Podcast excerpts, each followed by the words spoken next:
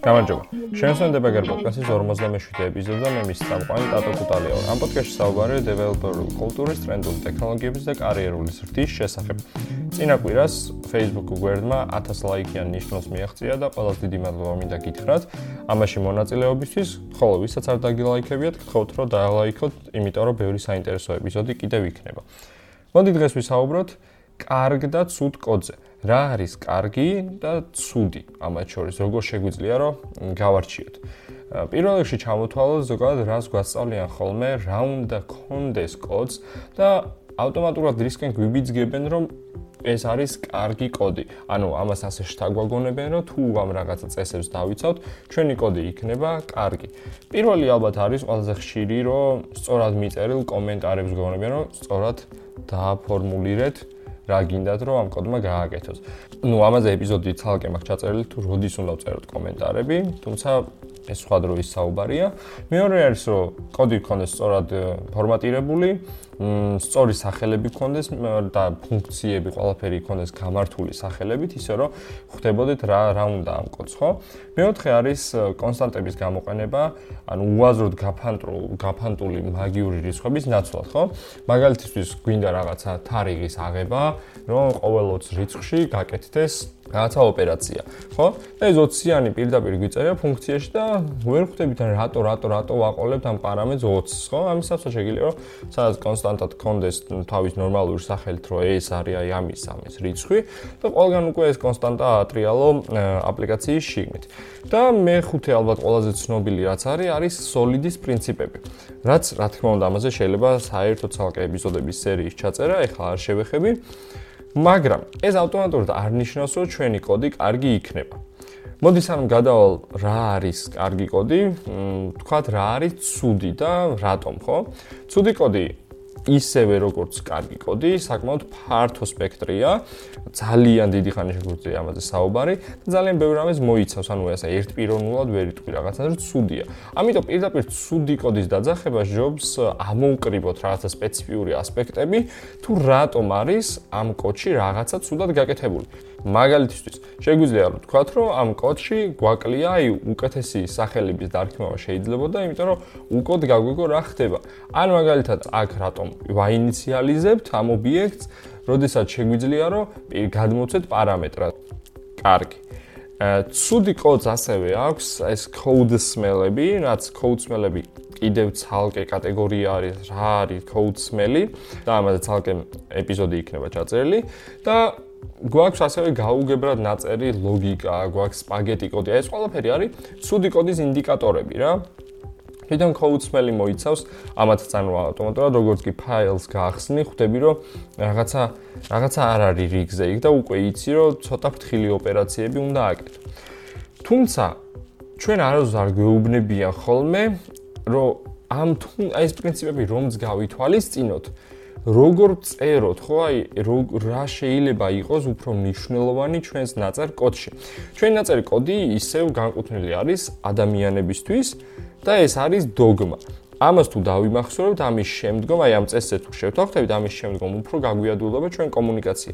ანუ ჩვენი ნაწერი კოდი ისევ განკუთვნილია, რომ ადამიანებმა წაიკითხონ. და ხშირად აი ამას ჩვენ არ გვასწავლიან და არ გვეუბნებიან კარიერის საწყის ეტაპზე, არც უნივერსიტეტში, რომ იცი რა, შენ ეს პრინციპები დაიცავე, მაგრამ რატომ? იმიტომ რომ ისევ ჩვენ ადამიანები ვკითხულობთ ამ ნაწერ კოდს და პროცესორთან საერთოდ არ ჩადის ჩვენი ნაწერი ეს ინგლისური სიტყვები, მაინც ან 0 და 1 უნდა იყოს, ან გადის ძაბვა იქ თუ არა.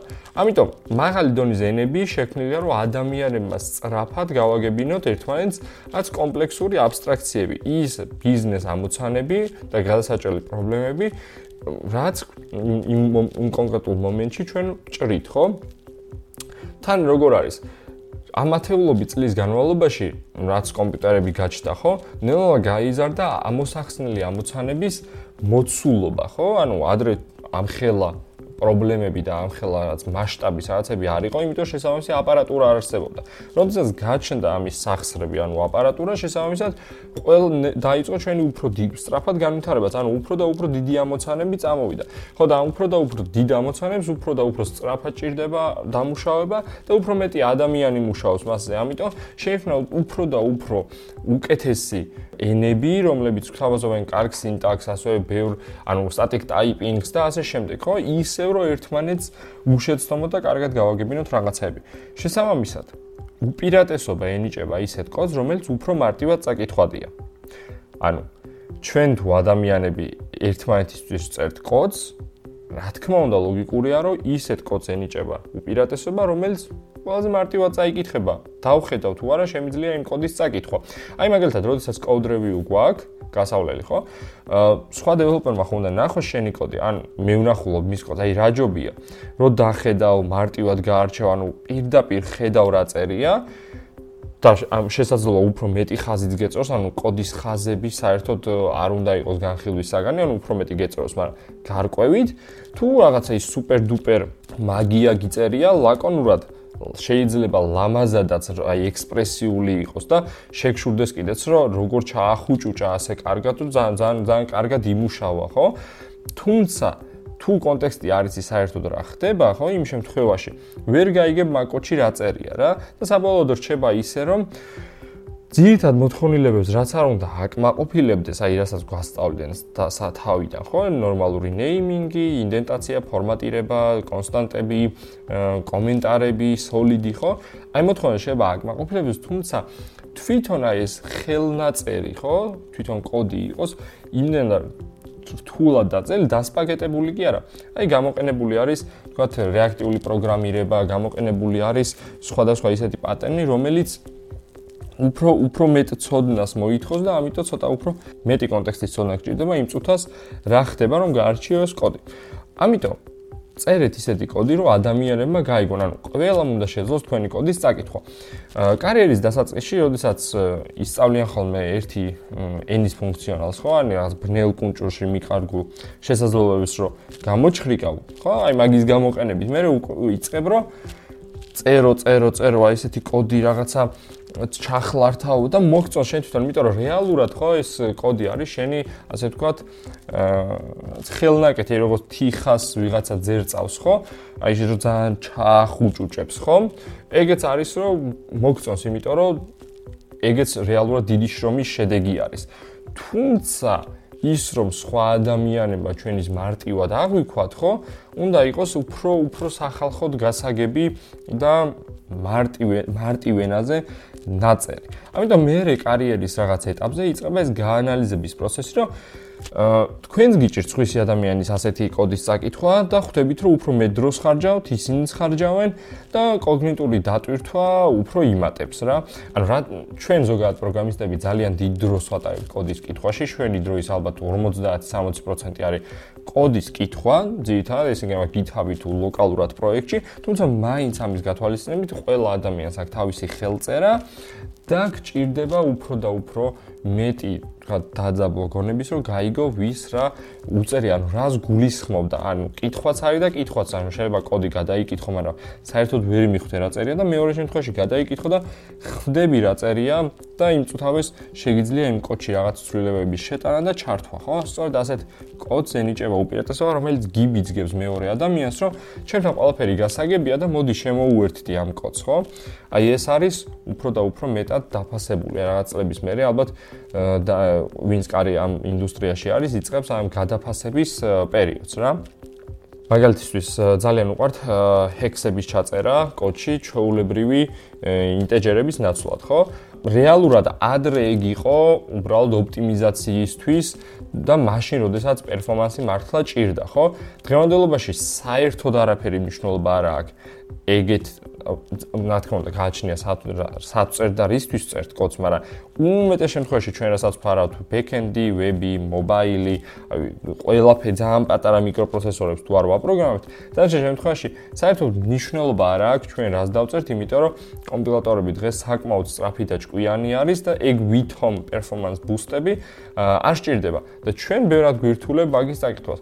თუ გინდა რომ შენი თავი გამოხატო რომ ხარ სუპერ მწოდნე და შეგიძლია რომ ჰექსი იკითხო უპრობლემოდ, ხო?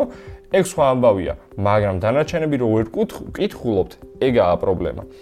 აა ასევე მაგალითად აი რეფაქტორებზე ხო არის ასეთი თემა რომ ძალიან უფრთხიან ხოლმე ციკლების რეფაქტორს ან რაღაც აი მაგალითად ერთი დიდი ციკლი წერია და შინ ძალიან ბევრი ოპერაცია და უნდათ რომ ეს გამოყონ და დახლიჩონ რა როგორმე მაგრამ აი ერთი ციკლიდან ფუნქციის გამოყოფა ერთულებად იმიტომ რომ არიციან მე იმ დანარჩენს ანუ ის პარამეტრები როგორ დაამუშავონ ხო? ხო და პირდაპირ გახლიჩე ის ორ ფუნქციად, ორივეს კონდეს თავისი ციკლი და მერწმუნეთ იმდენად უმნიშვნელო ოპერაციაა ეგ ორივე რაღაც ციკლის გადატარება იმ დატა-სეტზე, რომ ორ ფუნქციაში თავისუფლად შეგიძლია კონდეს და გაიმეორო ერთი და იგივე, ანუ ეგ ერთი და იგივე ციკლი ორივე შემთხვევაში გამეორდეს, ხო? ეგ ეგ არაფერი დატვირთვა არ არის დღევანდელი კომპიუტერებისთვის და საერთოდ უგულებელყოფა შეიძლება. სამაგიოროდ ყველა შეუძლია შენი კოდის წაკითხვა და ყველასთვის მარტივად ახსაქმელი იქნება თუ რა წერია მან და რას გულისხმობდი და ერთმანეთზე დამოყიდებულებასაც ამ ფუნქციებისას ჩახსნი. ხოლო თუ კი მიზედად გაქვთ რომ ამ დიდ მონაცემს ამუშავებთ და ამიტომ ეს ციკლი ერთი უნდა იყოს და კრიტიკულად მნიშვნელოვანია და კრიტიკულ დარტყმას აყენებს ხო აპლიკაციის პერფორმანს ესე იგი პრობლემა სხვაგან არის და მაგ ხელა მონაცემები ერთად მან საერთოდ არ უნდა იყოს. ძალიან კარგი ციგნი არის მარტინ ფოულერის რეფაქტორინგი სადაც სწორედ რეფაქტორინგის ტექნიკებს განიხილავს და რაღაცა მითებს არღვევს რაც ძალიან გავრცელებული არის ჩვენს ინდუსტრიაში დღესთვის სულ ეს იყო. აა დაიმახსოვრეთ ერთი ამ ეპიზოდიდან, რომ კარგი კოდი არ არსებობს, არსებობს ოდნავ უკეთესი კოდი და კარგი კოდი არის ის ნიშნული საიტიდან ვიხრებით და მივისწრაფით, აი საიტაც გვინდა წასვლა.